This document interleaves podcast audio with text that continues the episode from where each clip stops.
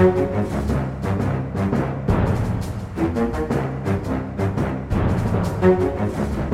kjører vi på med en ekstrautgave av Aftenpodden USA. Kommentator Kristin Pletten er på plass i Oslo som vanlig, og jeg, Øystein Langberg, USA-korrespondent, sitter på Manhattan. Og Vi har jo ikke hatt så veldig mange ekstrautgaver siden valgkampen i fjor, men i dag så følte vi at det var nødvendig, for i dag har det skjedd store og alvorlige ting både for USA og for Afghanistan. Eh, vi har eh, vært vitne i dag til eh, egentlig flere terrorangrep ved flyplassen i Kabul.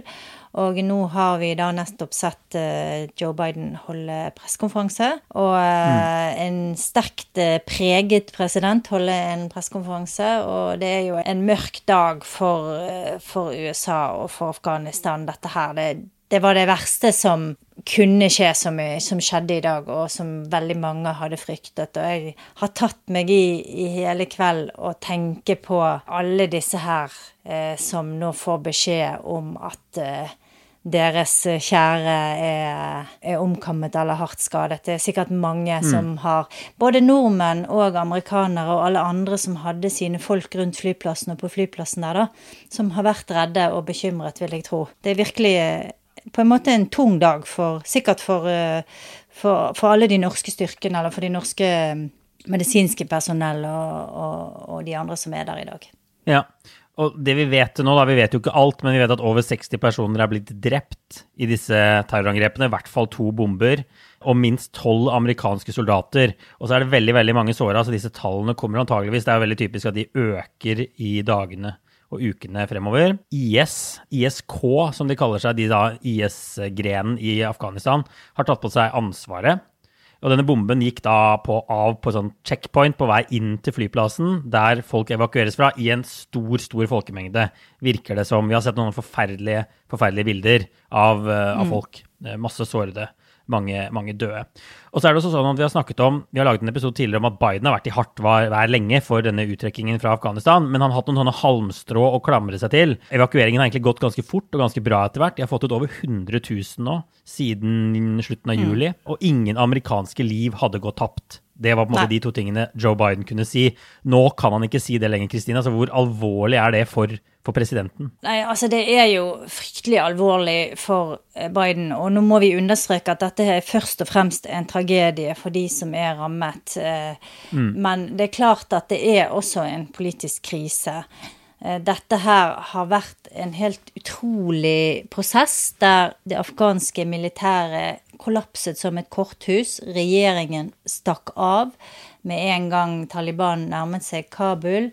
Og så har du da hatt disse her eh, dagene som nå vel har strekt seg til nesten to uker, der man har forsøkt å få ut så mange folk som mulig. Både eh, vestlige og afghanske tolker og andre afghanere som har vært eh, direkte Eh, med på å hjelpe Nato og USA i, i, de årene som har gått. Og så har det jo vært sånn at Taliban har hatt sånne checkpoints rundt flyplassen, og så har eh, vel stort sett amerikanske og også noen andre britiske og litt andre land sine soldater, de har beskyttet flyplassen, og så har det gått fly inn og ut.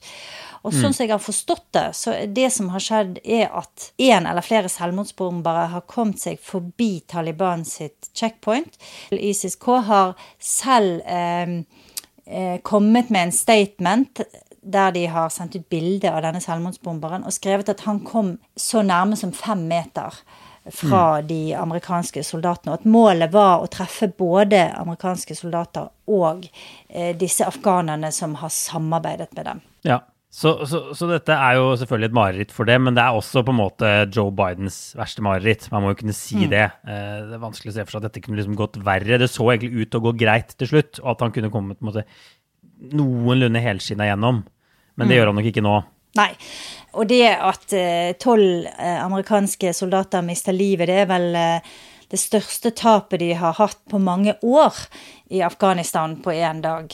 Og som Biden selv eh, understreket på pressekonferansen han nettopp har holdt, så har ikke noen amerikanske liv gått tapt faktisk i Afghanistan siden denne avtalen Trump gjorde denne avtalen med Taliban i februar 2020, en slags fredsavtale eller våpenstillstand med Taliban, da.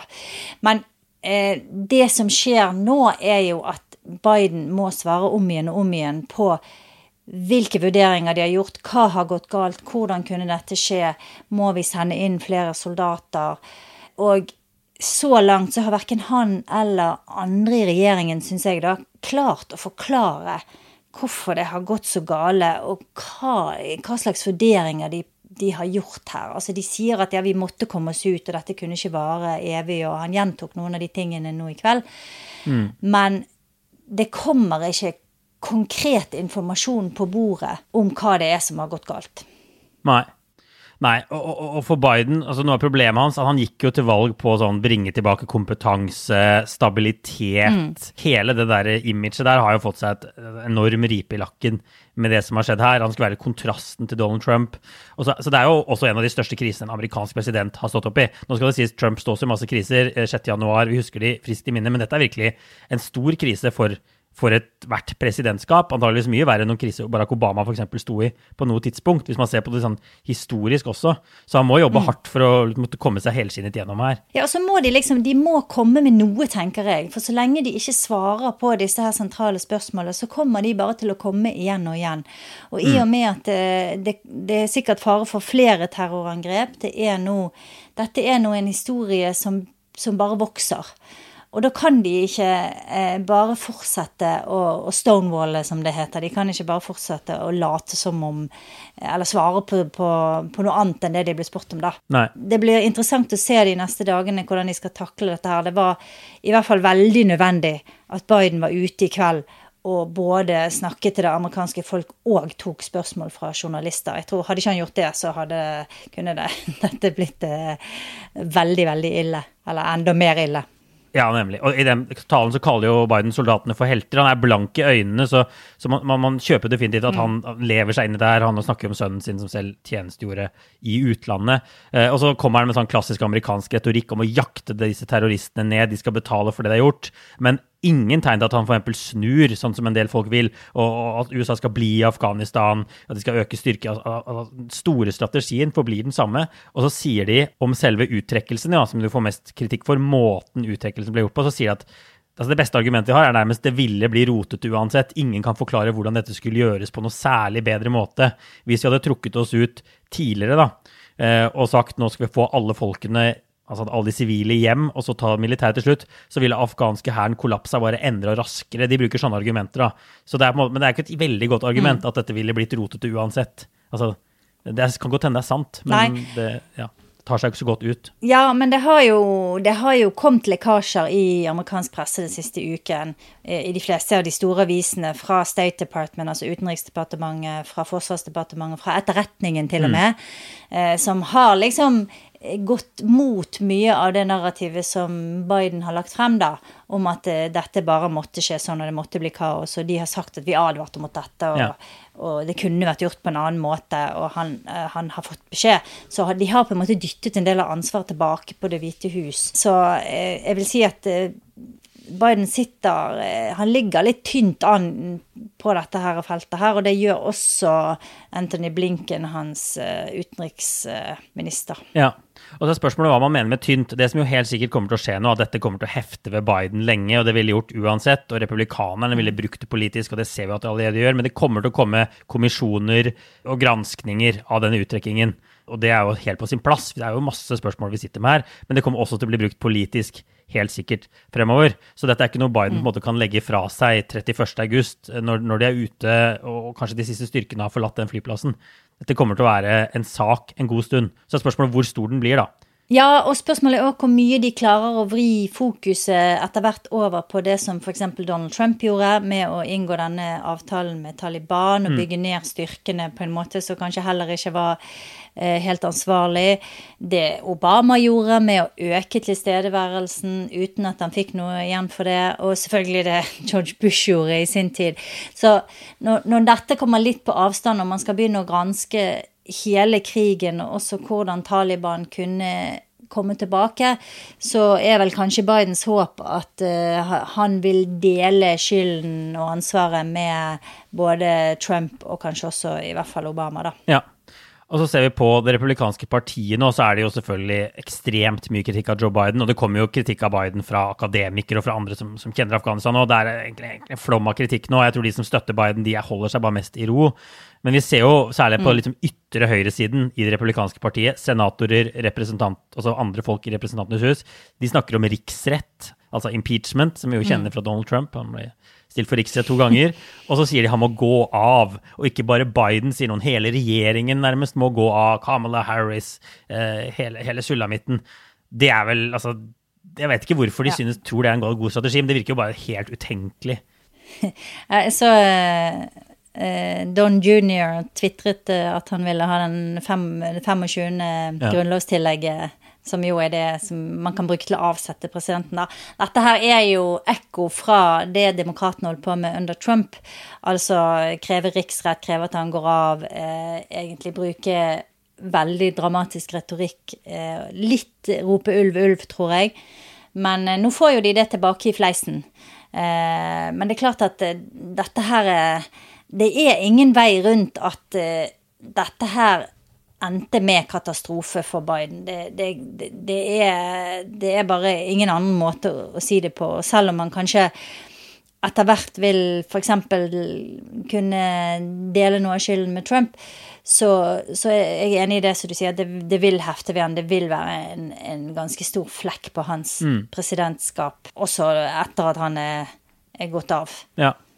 En, siste ting, da. Vi har jo snakket om det tidligere i noen podkaster, at det er på en måte to ting man får kritikk for her. Én ting er Bidens uttrekking, at den kunne vært håndtert bedre. En annen ting er selve ideen om å forlate Afghanistan. Jeg må si I dag så ser jeg at veldig mange av de som er de største kritikerne av Joe Biden, er disse gamle haukene. De som er kritiske til at at selve krigen avsluttes. Og de, og de, de bruker nærmest litt sånn 11. september-retorikk, sånn eh, at nå blir eh, Afghanistan et nytt globalt episenter for jihad, og, og, og dette er bare begynnelsen, og at nærmest at USA er i liksom stor, stor, stor fare igjen.